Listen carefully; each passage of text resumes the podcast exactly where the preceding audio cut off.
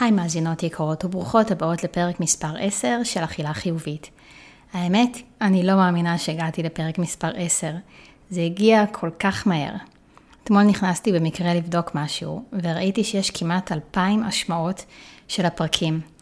ופתאום נופל לי האסימון, שאלפיים פעמים בחרתן לתת לי את הדבר הכי יקר שיש לכל אחת מכן היום, שזה הזמן שלכן, והקדשתן אותו לשמוע את הדברים שיש לי לומר. וזה כבוד עצום בשבילי. זה לא מובן לי מאליו בכלל. ואני רוצה לחזק כל אחת שמאזינה, שבוחרת במודע לעזור לעצמה ולעבוד על תחומי החשיבה שלה וההתנהלות שלה מול האוכל. שרק מי שיש לה אישו עם הנושא מבינה כמה שזה כל כך הרבה מעבר לאוכל אצלנו, וכמה שיש לנו בחירה ואחריות בתחום הזה. ויש לכל אחת מאיתנו את הכוחות לשפר את חייה בכך שהיא תמצא שלום ושלווה בתחום הזה אצלה. ואולי זו הפעם הראשונה שלך כאן, אז ברוכה הבאה לפודקאסט שלנו, אכילה חיובית. אני מאיה, אני המנחה של הפודקאסט הזה, ואני דיאטנית קלינית. אני מומחית לירידה במשקל והפחתת אכילה רגשית. והיום אני הולכת לדבר על פרפקציוניזם תזונתי. האמת שאתמול תכננתי להקליט את הפרק, ובנושא אחר לגמרי, שככל הנראה הוא יהיה פשוט בהמשך, אבל אתמול היה לי יום מאוד הורמונלי, ממש הרגשתי כל היום בדאון, לא הצלחתי להתרכז, אפילו חמי וחמותי שהיו פה אמרו שאו שאני מאוד מאוד עצובה או שאני עייפה, אבל פשוט אני הרגשתי שאני לא מצליחה להתיישב ולעשות את זה. אז שחררתי ואמרתי שאני אעשה את זה בעצם בבוקר למחרת, שזה בעצם עכשיו. ואני מאמינה שהכל משתבש לטובה, ויצא שאתמול בערב העליתי פוסט בנושא של פרפקציוניזם תזונתי. ואישה בשם שירה הגיבה לי על הפוסט ואמרה שאני חייבת לעשות על זה פרק בפודקאסט. כי עד שלא רשמתי את הפוסט, היא לא הבינה שיש לה את זה. ואני החלטתי לזרום, כי משהו בבטן אמר לי שזה יהיה נושא שמאוד מאוד חשוב גם ככה לדבר עליו. מפה לשם, זה יהיה הנושא שלנו להפעם. עד סוף הפרק, את תדעי האם יש לך פרפקציוניזם תזונתי ומה את יכולה לעשות לגביו. אבל קודם כל פתיח, ואנחנו ישר מתחילות.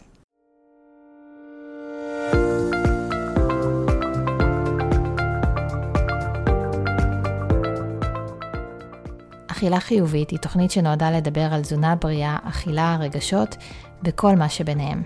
אני יודעת שיש בה חלק שרוצה לאכול בריא יותר ובצורה שקשובה באמת לצרכים של גופך. אבל אולי הלכת קצת לאיבוד, מרוב הצפת המידע והאפשרויות. אז באתי לעשות סדר. אני מאמינה שכדי לאכול בצורה בריאה ולהרגיש טוב ולראות כמו שאנחנו רוצות, אנחנו ממש לא צריכות לסבול, ולמנוע מעצמנו מאכלים שאנחנו אוהבות, או לעשות דברים שאנחנו לא נהנות לעשות, אלא פשוט להתחיל להתבונן פנימה, ולהבין מה מניע אותנו להתנהג בצורה שמנוגדת למה שאנחנו מייחלות לו. בתוכנית הזו, בכל פרק מחדש, אני אשלב בין תודעה לפרקטיקה, ובכך נכניס למסע הזה הרבה יותר בהירות, רוגע ותוצאות בפועל. זכרי, מגיע לך ליהנות מהגוף שלך, לשם כך הוא נועד. בואי נתחיל.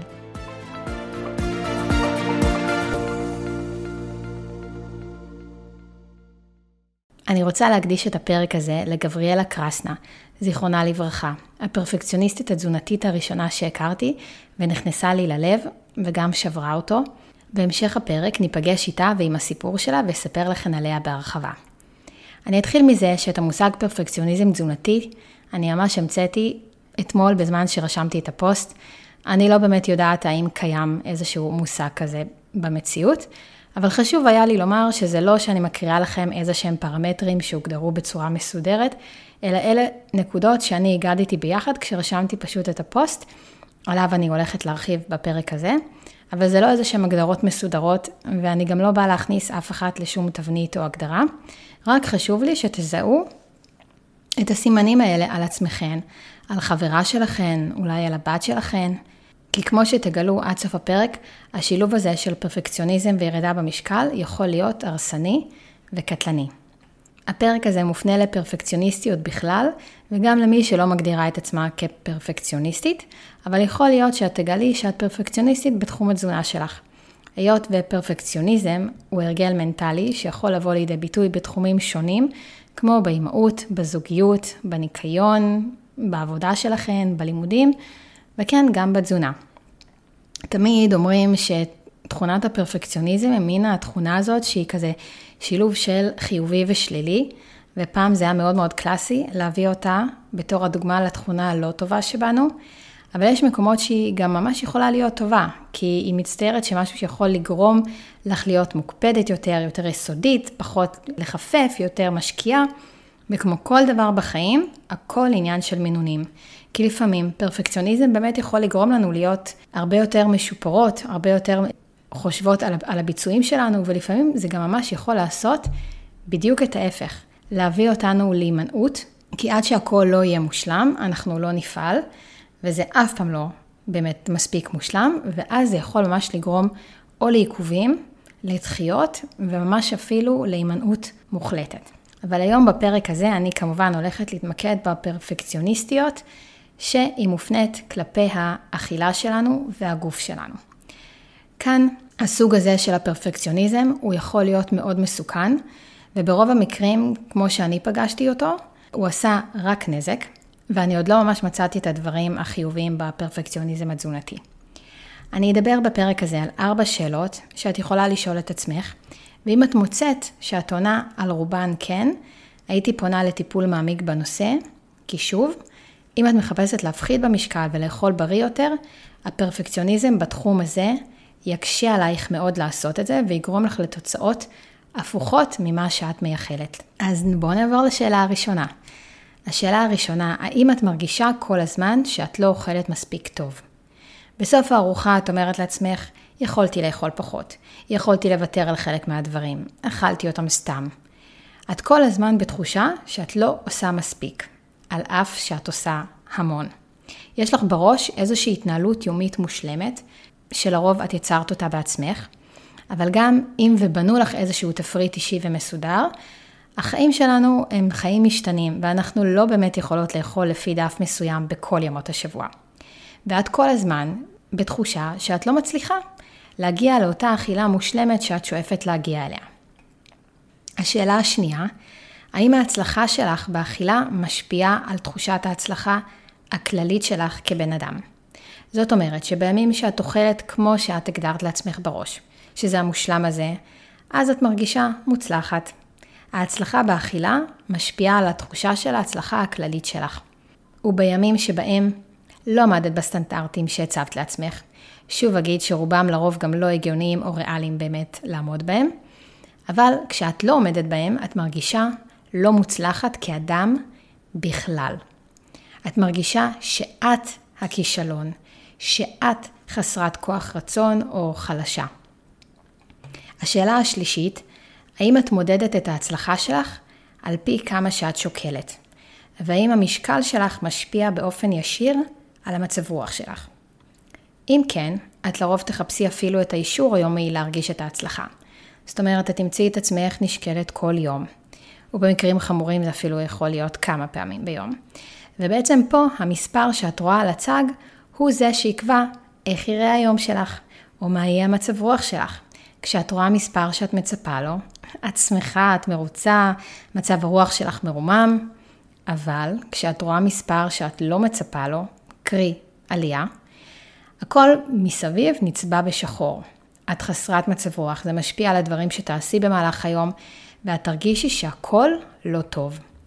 וכל מי שעדיין נשקלת פה, אז אני מבקשת, מתחננת, רוצו לשמוע את פרק מספר 7. בו אני באמת מסבירה למה בכלל לא כדאי לכן להישקל.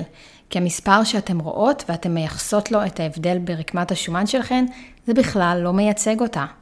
אבל שוב, אני לא ארחיב על זה כאן, כי יש בשביל זה פרק שלם. אבל גם אם כן, ונגיד וזה כן היה איזשהו מדד מהימן שכן היה מראה באמת את ההפרש ברקמת שומן, השאלה והתשובה עליה היא תהיה אותה תשובה, גם אם זה מייצג וגם אם לא. והשאלה האחרונה, איך את מתנהלת אחרי שאת סוטה מאותו תפריט מושלם שהגדרת לעצמך בראש? האם את מצליחה להכיל את זה שאכלת יותר ממה שתכננת?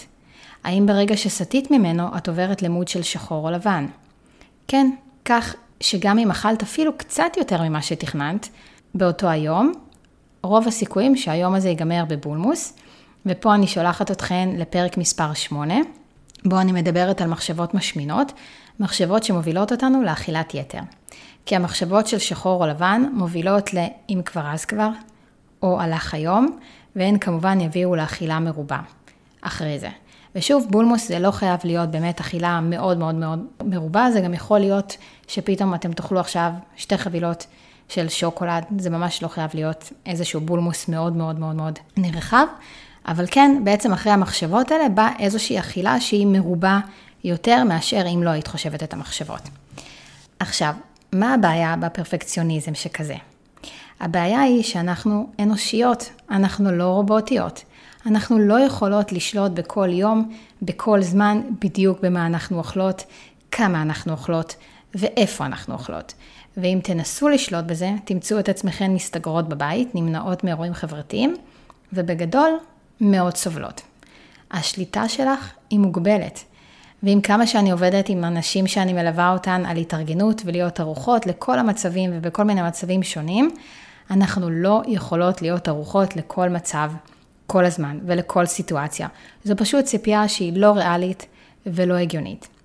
אז כשיש לך בראש איזשהו תפריט, כמו שאמרתי, לרוב הוא גם יהיה לא ריאלי, ואת מנסה להיצמד אליו באדיקות. וכל תזוזה שהיא, ששוב, היא בלתי נמנעת כי אלו החיים, אבל כל תזוזה ממנו מכניסה אותך ללחץ שמוביל אותך בסופו של דבר לאכילה מרובה. ואת, את מסתובבת בעולם עם תחושת כישלון תמידית. וכשאת כן נשקלת, את מתייחסת למדד שאת רואה על המשקל כאל אמת, המשקפת את רקמת השומן שלך, והיא לא. אבל המספר שאת רואה, הוא זה שיקבע את מצב הרוח שלך ואת תחושת הערך העצמי שלך. אני רוצה לומר לך שאת משחקת משחק שבו את בעצם מפסידה מראש ואין לך שום סיכוי לנצח בו לעולם. אני חושבת שזה הזמן להכניס לפרק שלנו שוב את גבי, הנערה הראשונה שליוויתי כשעבדתי במכון של הפרעות אכילה, שבסופו של דבר היא התאבדה בגיל 20. אבל אני חושבת שהמקרה שלה ימחיש ממש טוב את הנקודה שאני רוצה להעביר לכן על כמה שזה מסוכן. אז בגיל 13 גבי מחליטה יחד עם עוד חברה שלה שהן רוצות להפחית במשקל ולעשות דיאטה. סך הכל סיטואציה טיפוסית מאוד לגיל הזה. ההבדל בין גבי לבין החברה שלה זה שגבי היא ילדה פרפקציוניסטית. אני אתן לכם דוגמאות לאיפה הפרפקציוניזם הזה היה בא לידי ביטוי בחייה, בלי שום קשר לתזונה. גבי הגיעה ממשפחה אמריקאית, והשפה המדוברת בבית הייתה אנגלית. יש לה אנגלית ברמת שפת אם, אנגלית פשוט מעולה. ביום שהגיעו התוצאות של הבגרות באנגלית, היא הגיעה אליי לפגישה, כולה עצבנית מבואסת. טוב, אני חייבת לומר שלהרבה פגישות היא הייתה מגיעה שהיא עצבנית ומבואסת, כי היא לא ממש אהבה להגיע לפגישות, אבל לפגישה הזאת, בוא נגיד, היא הגיעה מבואסת במיוחד, וכששאלתי אותה מה קרה, היא אמרה שהיא קיבלה ציון נורא באנגלית, והיא לא מאמינה איך זה יכול להיות, כי היא דוברת אנגלית בצורה מושלמת. וגם אני ככה תוהה לעצמי איך זה יכול להיות. ואחרי כמה דקות שאני מנסה להרגיע אותה, אני שואלת אותה, תגידי גבי, כמה קיבלת? ואני רוצה שתשבו חזק, או תלכו או תקשיבו חזק. היא קיבלה 98. היא לא יכלה להכיל את זה, שכנראה איפשהו הייתה לה טעות, והיא לא הצליחה לראות בכלל את כל ההצלחה שלה. כל ההתמקדות שלה הייתה רק בטעות האחת הזאת, והיא צבעה לה פשוט את הכל. ואז נזכרתי גם בילדה שהייתה לי בכיתה בתיכון, שאגב, אחר כך אני גיליתי שגם היא הייתה מטופלת באנורקסיה במקום הזה שעבדתי בו. אבל מה שאני זוכרת על אותה ילדה שהייתה איתי בכיתה, שהיה מבחן שהיא קיבלה בו 98, והיא באה למורה שלה להתבכיין ולנסות להעלות את הציון שלה ל-100.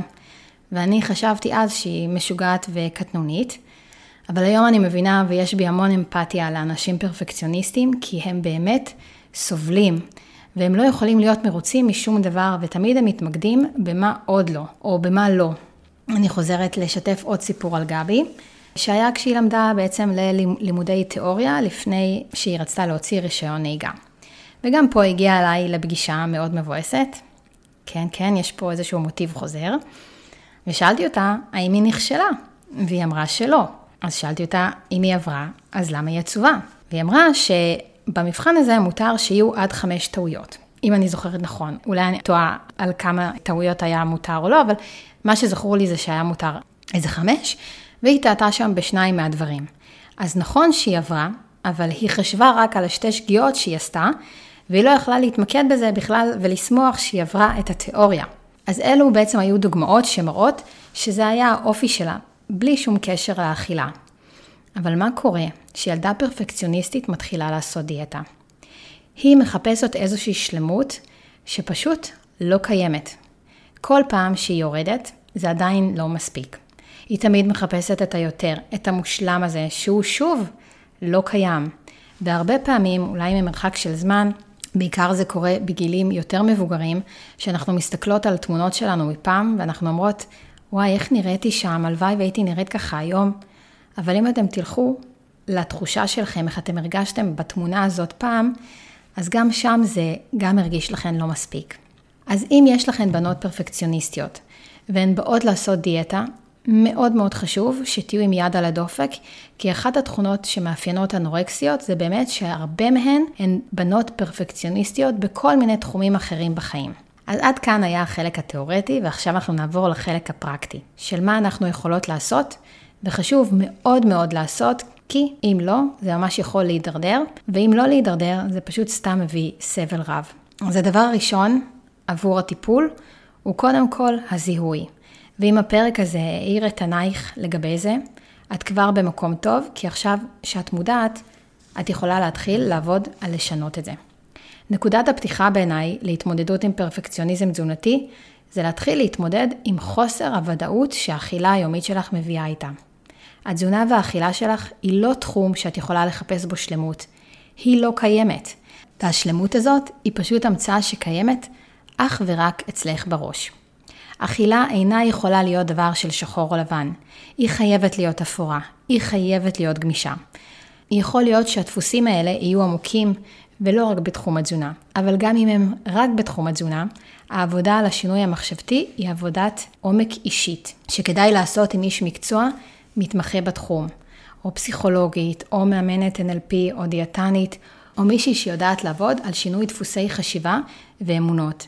וזה לא משהו שלרוב אפשר לעשות לבד או בכוחות עצמנו, בטח לא משהו שאני יכולה להעביר דרך איזשהו פרק כזה או אחר. מצד שני, גם מספר מפגשים ממוקדים, ממש עם מטפל שזו ההתמחות שלו, יכולים לעשות שינוי משמעותי. זה ממש לא משהו שחייב להיות עכשיו לטווח ארוך. למשל, ליוויתי עד לפני חודש מישהי שבעצם תוך כדי הפגישה האחרונה שלנו, הבנו שיש לה פרפקציוניזם תזונתי שהיה מוביל אותה לבולמוסים כל הזמן. היא פנתה אליי כי היא הייתה בתקופה של הרבה בולמוסים ואכילה לא נשלטת. שבסוף האכילה הזאת הייתה שילוב של גם צמצום מאוד מאוד גדול במהלך היום מצד אחד, שהיה מוביל, בלי קשר לפרפקציוניזם או לא, להתנפלות על האוכל בערב, אבל היו שם גם הרבה מאוד מחשבות משמינות, ביניהן מחשבות של שחור או לבן, ולכן כל פעם שהיא בראש שלה עברה את הכמות שהיא הגדירה לעצמה שהיא רוצה לאכול, ואגב זה ממש לא היה צריך להיות איזה שהן כמויות מאוד מאוד גדולות של אוכל, זה יכול להיות גם איזשהו מקרה שהיא אכלה שלוש קערות מרק, כשהיא התכוונה לאכול רק שתיים, ובנוסף באותו היום הגיע שם איזשהו משלוח של משהו שהיא הזמינה, והיא קיבלה מוצר במתנה של איזשהו חטיף חלבון. ואז היא אכלה אחרי העוד קערת מרק, היא בעצם אכלה גם את החטיף חלבון שהוא לא היה בכלל בתכנון שלה. ושניהם הביאו אחריהם לבולמוס מאוד מאוד מאוד גדול. אחריו היא אפילו לא הלכה לעבודה ונשארה בבית. אז שיקפתי לה את הנושא הזה של הפרפקציוניזם הזה, שאני חושבת שיש לה אותו, והיא סיפרה לי שכשהיא הייתה קטנה, היא הייתה עם פטור מהכנת שיעורי בית, כי כשהיא הייתה יוצאת מהקווים או מהשורות, היא הייתה ממש נכנסת להיסטריה מזה, ובמקום לעבוד איתה על המקום הזה, שמו לה מין פלסטר ובעצם פטרו אותה מלהתמודד עם זה. אבל עכשיו כשהיא כבר בוגרת, והיא מנסה להפחית במשקל, זה פוגש אותה שוב. רק שהפעם הפרפקציוניזם הזה הוא ממש הרסני עבורה, ובעצם עושה את ההפך הגמור ממה שהיא הייתה רוצה. כי אם היא הייתה אוכלת את המרק, את העוד קערה הזאת, וגם את החטיף, והיא הייתה מצליחה להכיל את זה, ולא מפעילה את עמוד של השחור הלבן, לא היה קורה שום דבר. אבל ברגע שאנחנו לא מצליחות להכיל שזה לא מושלם, אנחנו מאבדות את זה. לסיכום, פרפקציוניזם תזונתי הוא מאוד מסוכן, ובמקרים קלים הוא יביא אתכם סתם לסבל יומיומי ותחושת תסכול וכישלון. וכמובן גם לא יביא אתכם לירידה במשקל שאתם רוצות, אלא הוא יעשה בדיוק ההפך. ובמקרים החמורים יותר, זה עלול ממש להתפתח להפרעות אכילה, שממש כמו במקרה של גבי, יכולות להסתיים אפילו במקרים מאוד מאוד חמורים, במוות. אם זיהית שיש לך פרפקציוניזם תזונתי, תפני לטיפול מתאים. עבודת עומק עמוקה מאוד מאוד חשובה פה. כי הערך העצמי שלכם אינו תלוי בשום מספר, בשום מידת הבגדים שלכם, או מה אתן אכלתם באותו היום. מקווה מאוד שנהניתן מהפרק ושהוא תרם לכן. תודה לך שירה על ההודעה שלך, בזכותך הפרק הזה הפך לפרק. ואני מודה שהוא ממש לא היה בכלל בתכנון שלי. וכמו תמיד, אני אגיד, אם מצאת ערך בפרק הזה, שתפי אותו עם חברות שצריכות לשמוע את הפרק הזה גם הן. ובכלל, לאימהות, לילדות או נערות שאולי אחת מהן פרפקציוניסטית. ומה לעשות, היום הזה של הדימוי גוף ודיאטות ומשקל מעסיק את כולנו, ומגילאים מאוד מאוד מאוד צעירים. לעוד תוכן שלי בנושא אכילה רגשית וירידה במשקל, תוכלי למצוא בעמוד האינסטגרם שלי, Positive Eating by מאיה לנגר, הכל עם קו תחתון מפריד בין המילים. תמשיכו לשלוח לי הודעות כמה הפודקאסט הזה תורם לכם, זה באמת הכי כיף לי בעולם. אז יאללה, נשתמע בפרק הבא. ביי!